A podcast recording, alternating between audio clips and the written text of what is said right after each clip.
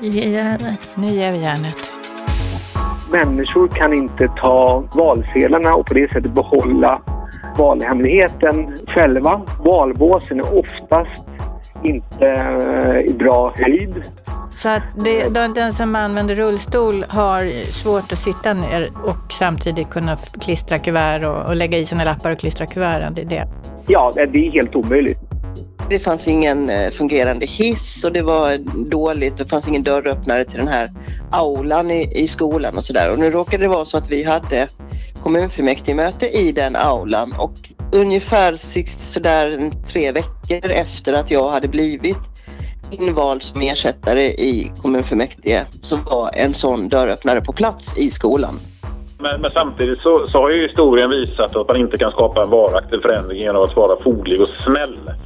Eh, ja, självklart så hade vi diskuterat eh, frågor kring funktionalitet under mer civiliserade former men eh, då behöver ju våra, våra frågor först bli eh, alltså få en permanent plats på mm. agendan.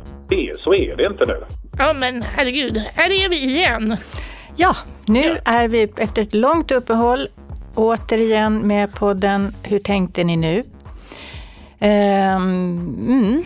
Ja, det är jag Carolina Sringska. Jag heter Janna Olsson. Nu, men nu är det back to work. Back to work. Det och. hände ju någonting här i höstas. Det var ett litet val. Ett litet val. Och eh, vi eh, väntar fortfarande på för att veta vilken typ av regering vi ska ha. Ja, det är lite rörigt Lite rörigt är det. Um, det som vi dock har gjort här, det är ju faktiskt att ta reda på lite grann hur eh, det här med tillgängliga vallokaler ser ut i Sverige. Finns det, är det tillgängligt att kunna rösta? Är demokrati för alla i den här utgångspunkten? Den stora frågan. Jag, jag jobbade ju som röstmottagare också i årets val, så det ska bli väldigt spännande att prata om det. Vi eh, har med oss Fredrik, vår kollega. Fredrik Hanerstam, hej! Hej, hallå! Du gjorde ju en uh, liten enkät på Facebook. Ja, det var ju så att innan valet så hade vi fått eh, signaler om att eh, kommuner var ganska nöjda med att det här valet kommer vara tillgängligt, alltså vallokalerna kommer vara tillgängliga. Så då tänkte vi att vi måste kolla upp det här efter valet. Hur blev resultatet? Så därför gjorde vi en undersökning på våra sociala medier. Vad blev resultatet då? Resultatet? Alltså man kan säga så. När det gäller eh, entrén och så, så har vi kanske typ blivit, blivit bättre men det återstår väldigt mycket. Framförallt handlar det om att eh, människor kan inte ta valsedlarna och på det sättet behålla valhemligheten själva. Valbåsen är oftast inte eh, i bra höjd. Det var de stora liksom, eh, frågorna som många förde fram i undersökningen. Så att det, eh. den som använder rullstol har svårt att sitta ner och samtidigt kunna klistra kuvert och, och lägga i sina lappar och klistra kuverten, det är det? Ja, det är helt omöjligt. Mm. För att, eh, det är inte så att man har valbås bara väldigt låga utan alla är ju i barhöjd. Så mm. att man liksom, man, det finns ju ingenting som heter skärm för dem. I många vallokaler. Men det var väl också att man inte kan ta de här partisedlarna heller, att man inte når dem. Så att redan där är valhemligheten liksom förverkad redan innan. Ja, det var exakt så. För det går liksom, valsedlarna var också placerade på ett bord som gjorde att det liksom inte... De är ganska långa, som du som Karolina sett. Det är ganska många partier ibland. Så att liksom man var tvungen att sträcka sig väldigt mycket. Man kommer inte åt vissa valsedlar och så. De var också oftast placerade i hörn och så vidare. Mm. Det här bekräftade väl kanske liksom den misstanke vi hade inför valet. Att det, det här skulle vara resultatet.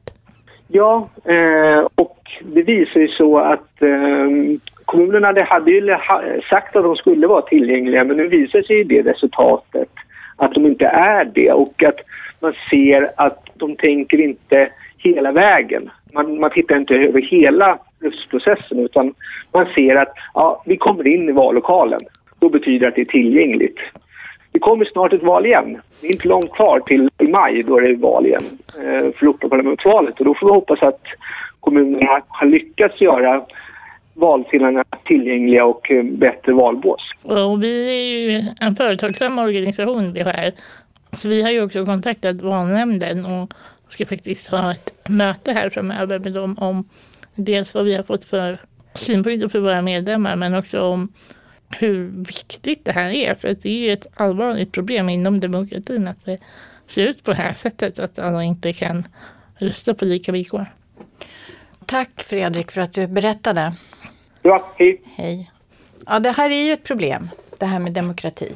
Mm. Att inte alla har rätten att få vara en demokratisk medborgare på samma villkor som alla. Mm. Jag märkte det också när jag jobbade ju som sagt som röstmottagare på valdagen. Jag tycker det är väldigt kul att komma demokratin nära på det sättet. Mm. Men det fanns ju som sagt problem även i den vallokalen där jag själv jobbade med att man till exempel tar med sig hund och inte ens reflekterar över att det kan vara människor som har allergier och liksom det blir en svår situation också som röstmottagare för man får inte så här jättemycket utbildning inför att uh, um, ha det uppdraget. Att hur man tar sådana konflikter, det är inte så himla lätt. Nej, det är inte så lätt. Så, uh, och jag tror att det finns mycket mer att göra på området för att Mm. säkerställa framförallt valhemligheten. Det är ju, Ja, för den finns ju egentligen inte för någon, tänker jag då. Därför att de här, båsen, eller de här vallapparna, eller partilapparna finns ju överallt och vem som helst kan se vad jag väljer. Om jag nu väljer Mm. att ha en, ett, ett parti, eller de flesta, eller många tar ju alla, bara för Mm. att inte visa vem man tänker rösta på. Men, men eh, ja, det har ju vi i Sverige fått krit- kritik för att vi har på det sättet också. och, det, och det är ju liksom lite problematiskt. Um, inte enbart om man liksom har en rörelsenedsättning utan även gemene man tycker att det är svårt bara det här med vilka lappar ska ligga i vilka kuvert och liksom att det bara ska vara en lapp med viss färg i ett visst kuvert. Så, så liksom, det finns ju liksom kognitiva svårigheter kring det här också så jag tror absolut att man kan göra valen mer, betydligt mer pedagogiska och tillgängliga.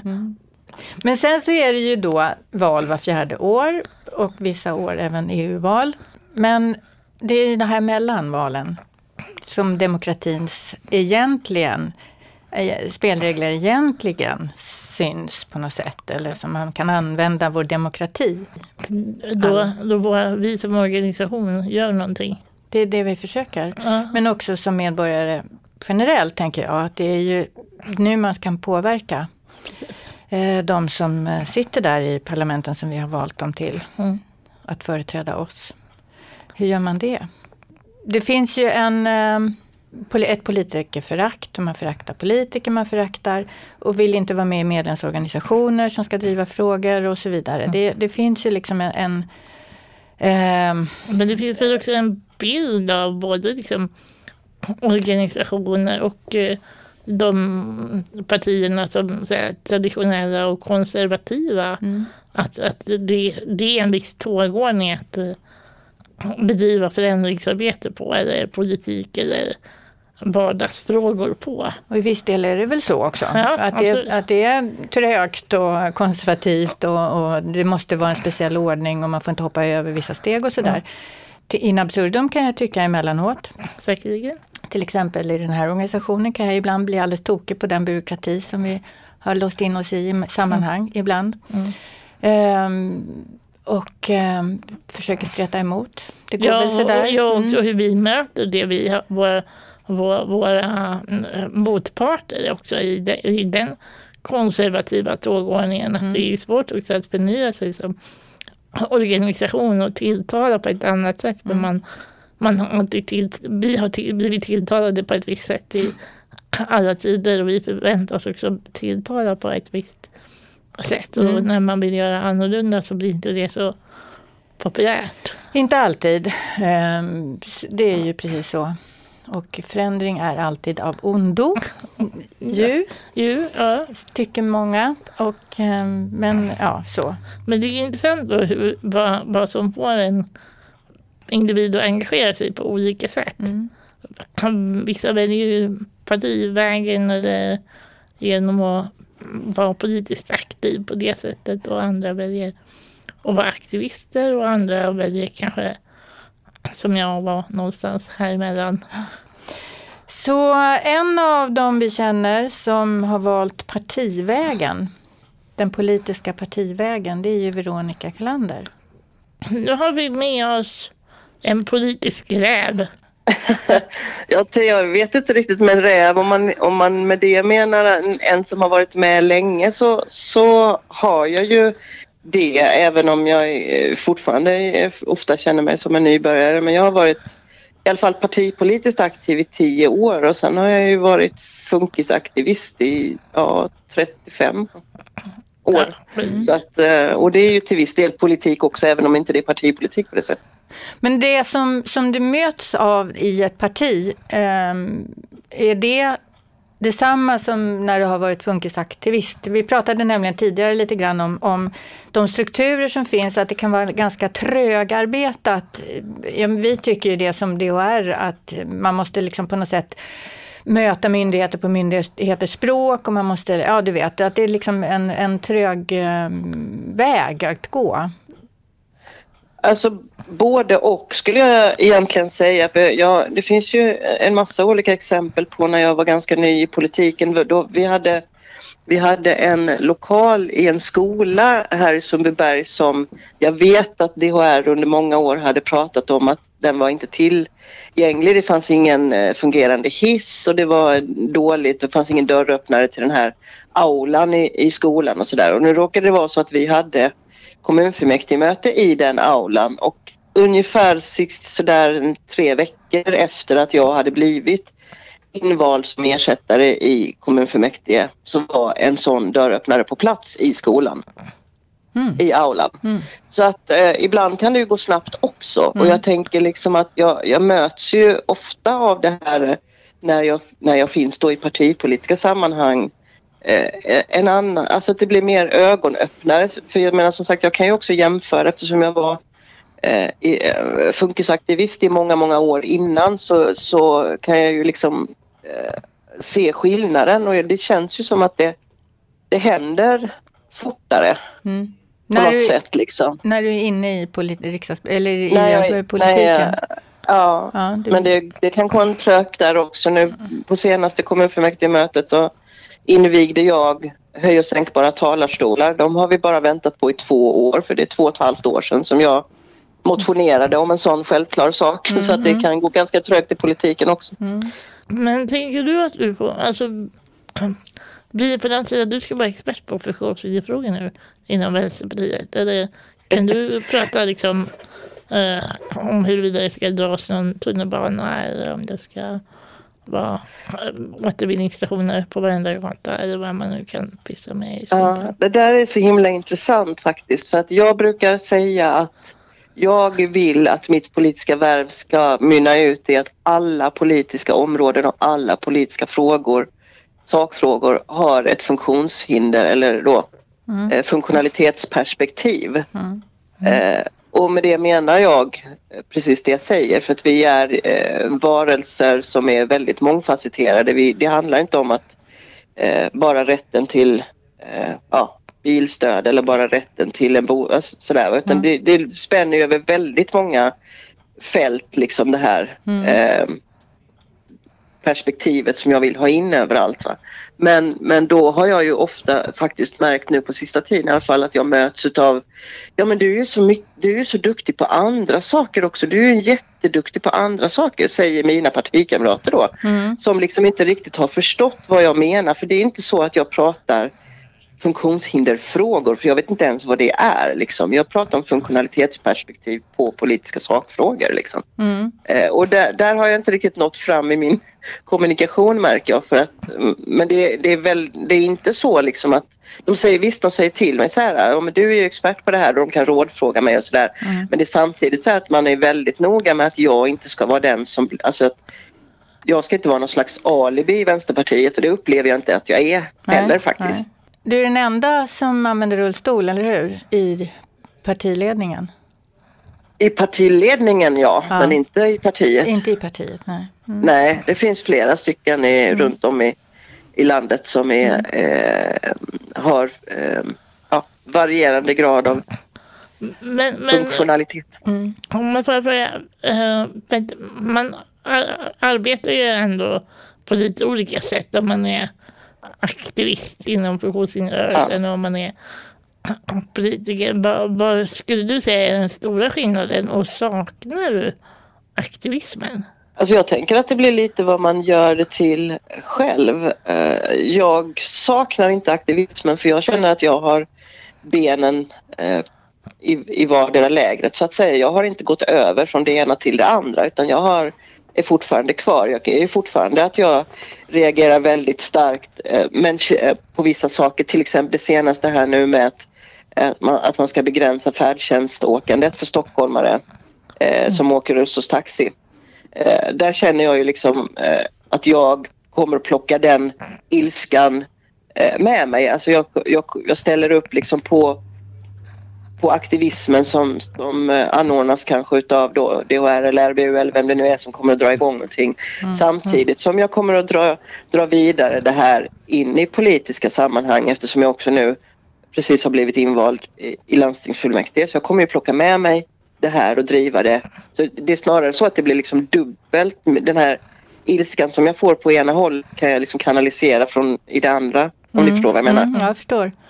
För det, ja, just det, så att det är det som de, vad ska jag säga, den aktivistiska världen gör. Där deltar du också till vidare och så tar du in det i ditt ja. eh, partiarbete. Är det så ja, du menar? Det är, ja. ja, det är ju för det. Alltså, jag känner ju att det skulle vara eh, liksom tjänstefel om jag inte gjorde det. Liksom. Om jag får till mig saker så måste jag ju liksom göra någonting av det. Det är ju därför jag liksom är, det är därför jag är där känner jag. Mm, mm, mm, mm. Spännande. Den eh, aktion som jag och du båda två var delaktiga i på olika sätt, det var den här buraktionen.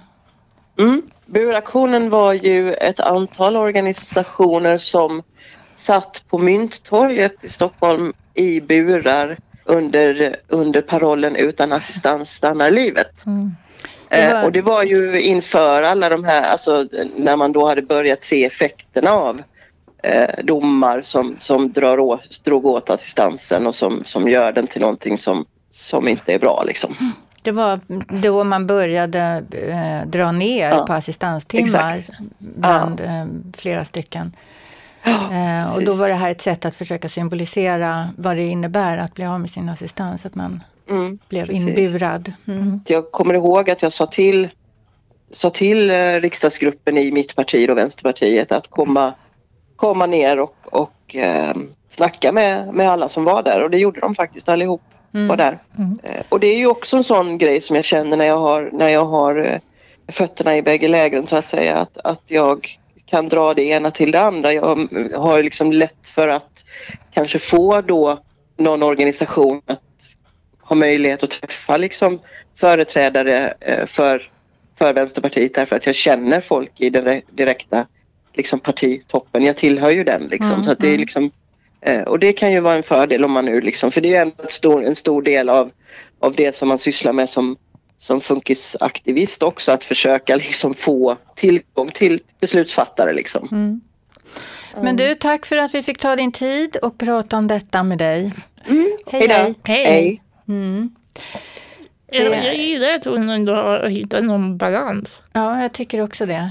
Ehm, och att, den, att hon, just som hon uttryckte det, har båda fötterna, i, liksom fötterna i båda läger mm. så att säga. Att hon använder sig av det. Det är bra. Ja, att det inte blir en en motsättning. Eller, för det borde ju inte vara det. Egentligen borde det inte vara det. Jag satt och tänkte lite grann för att eh, sådana här ålder, åldriga människor som har beskrivit just att förr i världen, om man nu pratar om förr i världen som är text med 20-30 år sedan, eh, så var ju våra valda representanter många gånger sprungna ur en folkrörelse. Mm. Mer än vad som är idag. Mm. Och det kan man ju faktiskt säga att Veronica verkligen är. Mm. Att, eh, att hon representerar på ett annat sätt än vad kanske många mm. som vi väljer in i riksdag och i olika sammanhang mm. idag. Men jag tror också det, det hänger också på eh, väldigt mycket tror jag också, dels de enskilda partiernas eh, hierarkier och strukturer internt och liksom hur, hur välkomnande och hur mycket in, utrymme finns det att att ta in nya idéer och nya pe personer. Jag menar, det finns ju partier som är otroligt konservativa i hur hur ordningen ska gå. Att liksom, du har ingenting att komma med om du inte kommer från ungdomsförbundet. Då har du liksom ingenting att och, och hämta. Liksom, mm. Att det är en helt egentligen omöjlig väg att gå om du mm. inte har kommit den vägen. Och, och det är ju väldigt intressant om man pratar om att även partier behöver liksom göra generationsväxlingar någon gång. Men där tror jag att det är precis som i alla olika vad ska jag säga, maktstrukturer, för mm. det är en maktfråga det här också. Jag tror vi har pratat om makt tidigare. Mm. att det är svårt att uh, komma in i maktens korridorer med någonting annat än att följa, mm. följa det som redan är bestämt. Uh, så det är ju ja, det är bara att uh, heja på Veronica mm. att, och, och liksom understödja den. Ja, någon som tyckte att hon kan få en inspiration. Att du kan göra både och. Mm. Att du kan faktiskt eh, att, att vägen genom funktionshindersrörelsen är det vi gör i våra organisationer kan faktiskt leda till att ja, du är precis. aktiv på en annan nivå. Oavsett vilket parti man själv väljer ja. så tror jag att det finns alltid en Veronica någonstans som man kan prata med. Det är jag helt säker på. Mm. Det, det, tror jag faktiskt. Mm. Den, Veronica pratade om äh, buraktionen. Mm. Um, hur upplevde du den? Ja, alltså jag var ju liksom, vad ska jag säga, bakom kulisserna i den bemärkelsen. Jag var ju med och organiserade det hela och um, ja, alltså det var ju det var kallt och det var, alltså det fick ju uppmärksamhet, ja. medial uppmärksamhet, därför att det var så, en så bra synlig bild av vad det betyder. Men sen om den egentligen hade någon effekt vidare, Mm. Däremot så tycker jag väl när jag tänker tillbaka på det att det var startskottet för det som sen har fortsatt mm. kring den här med, med, med assistansfrågan och att den har ju liksom vuxit och blivit... Så det var, det var, det var nödvändigt att man gjorde den då, mm. så kan jag tänka. Mm. Eh, för den gav ringar på vattnet och möjligheter och, och mm, influenser till fortsättningen. Mm. Så att på det sättet så tycker jag nog att den hade en... Eh, att det var lyckat på det sättet, det tror jag. För det engagerade väldigt, väldigt många det som är intressant med det här med aktion och så, att det, eh, funktionshinderrörelsen är ju mer och mer, bättre och bättre på att göra aktioner tycker jag. Mm. Både lokalt och eh, nationellt. Eh, det som är intressant att jämföra med är ju hbtq-rörelsen som mm. alltid har jobbat väldigt aktivistiskt. Mm. Eh, och som också har skapats det är en ganska liten grupp om man tittar på det hur många människor det egentligen berör, mm. men som har blivit en, en slags mainstreamfråga. Alla förhåller sig till hbtq-rörelsen på mm. något sätt, affärsägare eller politiken eller människor mm. generellt. Alla vet vad vi pratar om, vi pratar om mm. eh, hbtq, mm. så, men alla vet inte vad vi pratar om när vi pratar funktionshinder. Eh, och det är lite intressant tycker jag att göra den jämförelsen. Mm. En gång i tiden, någon gång på, när det här är 70-tal eller så, så ockuperade hbtq-rörelsen, som inte hette det då, utan de hette någonting, HBT kanske bara, mm. eh, Socialstyrelsen. Vi får hö ska höra lite därifrån. Och den vi hör först i, i inslaget här är Barbro Westerholm som var alldeles nytillträdd eh, eh, eh vad heter det? generaldirektör för Socialstyrelsen. Ja, de, de var ju rädda. Medarbetarna var helt klart rädda. Eh, för vad händer nu och eh, kommer de att tränga sig in i Socialstyrelsen i övrigt och vad kommer de att göra? Vi fortsatte att sjunga sånger och skandera slagord och blåsa i våra visselpipor. Och så småningom såg vi poliser som stod alldeles i närheten av oss provocerande för att försöka att få oss att ge upp och gå därifrån. Men den här gruppen som hade ockuperat trappan den kändes för mig eh, väldigt fredlig. Ja, det är ju ansiktsuttryck och kroppsuttryck. Eh, jag är nog ganska bra på att läsa kroppsspråk. Så det kändes inte som att det var något hotfullt över den här gruppen. Utan det som gjorde kanske mera ett intryck på mig därvid därvidlag så var det min uppskrämda personal, medarbetare. Och jag har ju efteråt fått veta att de kallade ändå på polis trots att jag hade sagt att det inte skulle kallas på polis för den här demonstrationen. Ja, aldrig, aldrig ger vi upp sjöng vi. Vi krokade i, i arm allihopa och satt kvar i trappan och sjöng. och tyckte att eh, var det så att Socialstyrelsen ville ha bort oss som är sjuka så får de väl transportera bort oss i ambulanser och inte kalla på polis i så fall. Så småningom så avtågade poliserna därför att de tyckte det var en fredlig demonstration och det fanns ingen anledning för, för dem att kasta ut oss från Socialstyrelsen tyckte man tydligen. Och eh, naturligtvis fick de en spontan applåd av oss när de tågade iväg.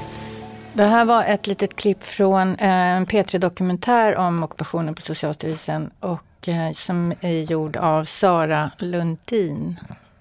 Det var någon slags startskott på det som sen blev. Det som också följde på det var ju ganska kul att de också hade en eh, aktion som handlade om att man ringde till sin arbetsgivare. Och eftersom man som eh, homosexuell då bes, beskrevs som sjuk. Mm. Mm. Så då ringde man sin arbetsgivare och sa att man var lite homosexuell idag så man var tvungen att vara hemma. Mm. Det var också en väldigt rolig aktion faktiskt. Mm. För jag, jag kommer ihåg, jag var ju en del av när DHR bestämde sig för att vara lite mer aktiva i eh, både Pride-paraden och tid om förut typ, hade man ju möjlighet, kanske finns nu också, men att man hade föreläsningar som på något sätt var eh, kopplade till hbtq-frågor. Och, uh, vi ordnade ett seminarium i Pride House och då pratade vi just om det här med eh, även vad var liksom vändpunkten för olika rörelser. Liksom. Och då pratade man ju bland annat om att i vissa fall kan det handla om ett mm, typiskt it moment, att det var en specifik händelse just och då inom hbtq kanske det var det här, den här aktionen på Socialstyrelsen och för ehm, eh, svarta i USA så handlade det om Rosa Parks på, på bussen, att det finns liksom sådana signifikanta händelser. Och vi har kanske inte riktigt haft någon sån riktigt signifikant Nej. aktion ännu. Nej. Eh, men det finns ju människor som håller på. Det finns ju de som håller på. Och ganska ordentligt. Så. Och en av dem är eh, Anders Westgärd som finns i Göteborg och är, är aktiv verksamhetsledare tror jag han är, i GIL, Göteborgs Independent Living. Mm. Hej Anders Westgärd, aktivisten från Göteborg. Den enda aktivisten. Den enda och stora aktivisten i Göteborg. Nej då, det finns många aktivister i Göteborg. Och hur kommer det sig? Att ja, du är det? Jag vet, jag vet inte. Skulle man backa tillbaka banden eh, ganska många år så hade jag aldrig kunnat se mig själv i, eh, i den här formen. Eh, men men, eh, ja, men jag, jag, tycker, jag tycker om att göra meningsfulla saker och, och jag tycker att eh, ja, förändra och eh, ja, förvandla eh, samhället till det bättre. Det tycker jag är viktiga saker och det är väl det som, som engagerar mig. Och, och sen, sen har jag ju, jag har ju inte haft en, en uh, funktionsnedsättning hela livet utan jag råkade ut för en olycka när jag var 20 så att jag har ju levt, om man får säga, båda världarna och då, då, blir, då blir det någonstans mer tydligt. Mm. Och, och, någonstans, eller någonstans, jag var, jag var jävligt fördomsfull innan jag skadade mig. Eh, och eh, besatt väldigt många fördomar gentemot individer med funktionsnedsättningar. Och, och eh, det försöker jag ändra på. Mm. och liksom försöka göra något bra av det och, och ta detta vidare. Vi ska lyssna lite på ett filmklipp från en aktion som du gjorde, Anders. I början så hör vi en polis som frågar vad håller ni på med? Hallå? Nej, vi håller på bara märka upp lite eh, rutor. Det som jag är så förundrad över det är alltså vissa människors behov att vara så goda och snälla och ta hand om oss som vi vore barn. Eh, jag har inte fått ett svar på det. Jag vet inte om jag kommer få ett svar på det men jag känner att varje möte är, är liksom ett tillfälle att omvända människor och få dem att liksom bete sig som eh, folk i största allmänhet. Jag menar möta oss som vilken människa som helst. Det var, det var 1 december 2015. Då det var en aktion som, som, som hette, eller som, ja den eh, hette CP, CP-trucken och eh, det handlar ju egentligen om att eh, det ska vara en självklar rätt att ha samma tillgång som alla andra. Till I, parkeringsplatser? Nej, eller nej. över generellt? Ja, det är som, som medborgare. Ja. Att, man, ska kunna röra sig i det offentliga rummet, man ska komma åt offentliga lokaler och man ska få ett schysst bemötande och man ska kunna åka kollektivtrafik eller vara människa i sin stad och så, så ser det ju inte ut, det vet ni själva. Och då kom ju den symbolen med att, att märka upp alla de här parkeringsplatserna förutom en, så det var lite omvänd diskriminering. Men det är ju så att handikappsplatser och handikappsparkeringar, det är ju egentligen där vi har en exklusiv rätt, men så ska det inte vara utan vi ska ju ha tillgång till, eh, till samhället som alla andra. Mm. Jag såg den här bilen på Arkdesk, ja. i, alltså arkitektur och designmuseet här i Stockholm. Det var ju, den är ju ganska kul. Det är väl världens första och enda parkeringskonverterare. Det är ju lite grann som en trojansk häst. Man, eh, man, man har ju ingen aning om vilka, vilka styrkor den där bilen besitter när man ser den. Nej. Den ser, eh, den ser ju ganska tråkig ut. Mm, som en vanlig bil. Men Anders, ni gör ju ganska roliga grejer ändå när ni gör era aktioner. Det här är ju inte den enda. Nej, nej vi, eh, vi, vi, jag var faktiskt uppe på, på Arkdes igår och då var det ett panelsamtal och eh, de har ju en ny utställning nu som heter Public Luxury som egentligen handlar om eh, det offentliga rummet och, mm. och kampen om det gemensamma, gemensamma offentliga rummet. Så där var jag, och en av våra, eller en av våra kampanjer, Stenis Bully, är ju med i den, eh, i den utställningen. Och då var jag med och, i en paneldiskussion just kring eh, ja, vårat arbetssätt och, och lite grann eh, hur man når igenom i det stora bruset som finns där ute i samhället med sitt budskap. Gör ni det då? Når igenom? Ja, det tycker jag absolut att, att vi gör och eh, någonstans så dyker vi upp i ja, forum och situationer där, där kanske inte folk förväntar sig att vi ska dyka upp. Jag menar, tittar man eh, historiskt sett så har ju eh, frågor kring, eller så är det ju fortfarande, är ju, är ju liksom eh, ja, vi, vi förväntas att dyka upp i speciella forum, angivna platser och, mm. och det tycker inte vi är okej okay. och vi vill dyka upp i, i forum och platser där folk inte förväntar sig eller så, dyka upp i samhället i, så som vi, vi borde.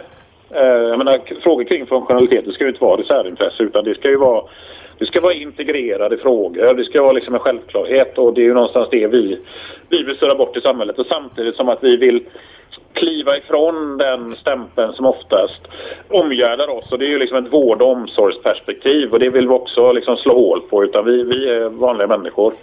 Uh, och uh, inte det där tycka synd om. Utan, och även visa att vi kan göra jävligt smarta, balla och eh, ja, någonstans eh, provocerande saker. Mm, för det är ju det som man också hamnar i när det pratas om funktionshinderrörelsen så är det att det är gnälligt och tråkigt. Ja. Och där, kom, där är ju ni ett eh, unikt exempel på motsatsen kan jag tycka.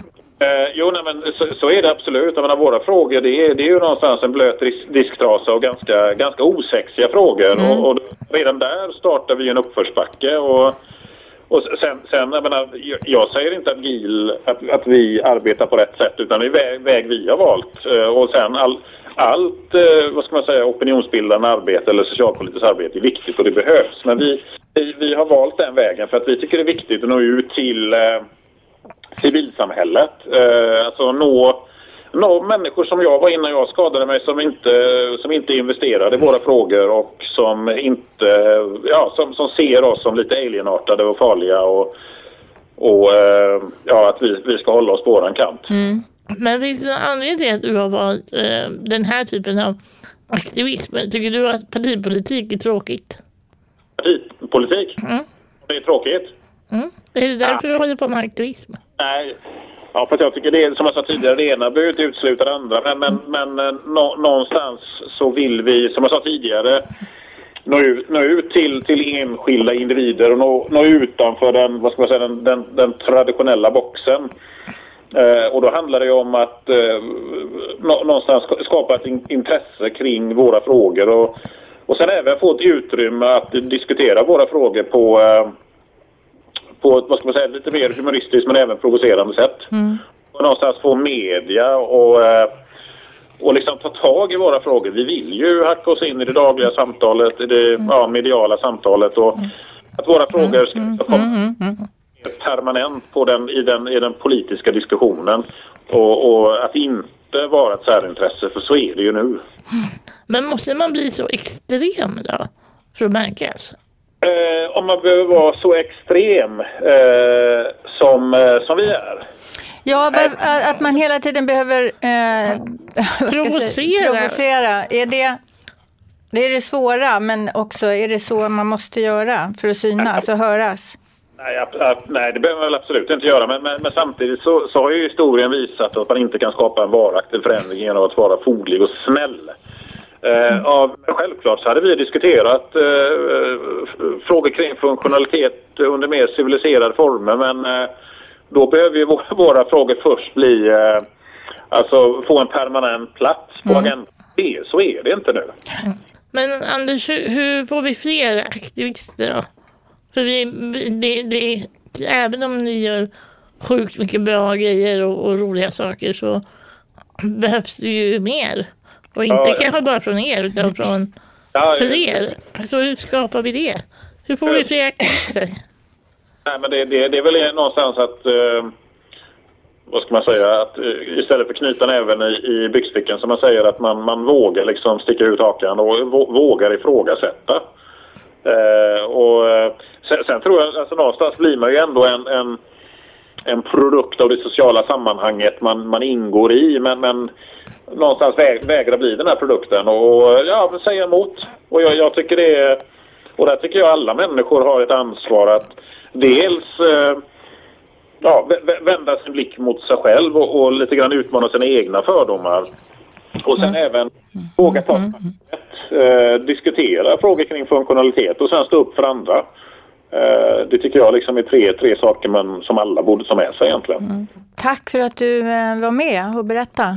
Det är kul att eh, få ha varit med, eller just, just nu ser jag ju fortfarande med. Ja. Ja, men tack för nu och vi hörs säkert framöver för att planera kul grejer tillsammans. Det gör vi absolut. Och så se, se till att väcka aktivisterna uppe i Stockholm. Ja, Eller? Vi ska göra vårt bästa. ska se vad vi kan göra. Ha det gott. Ha det gott. Hej, hej. Hej.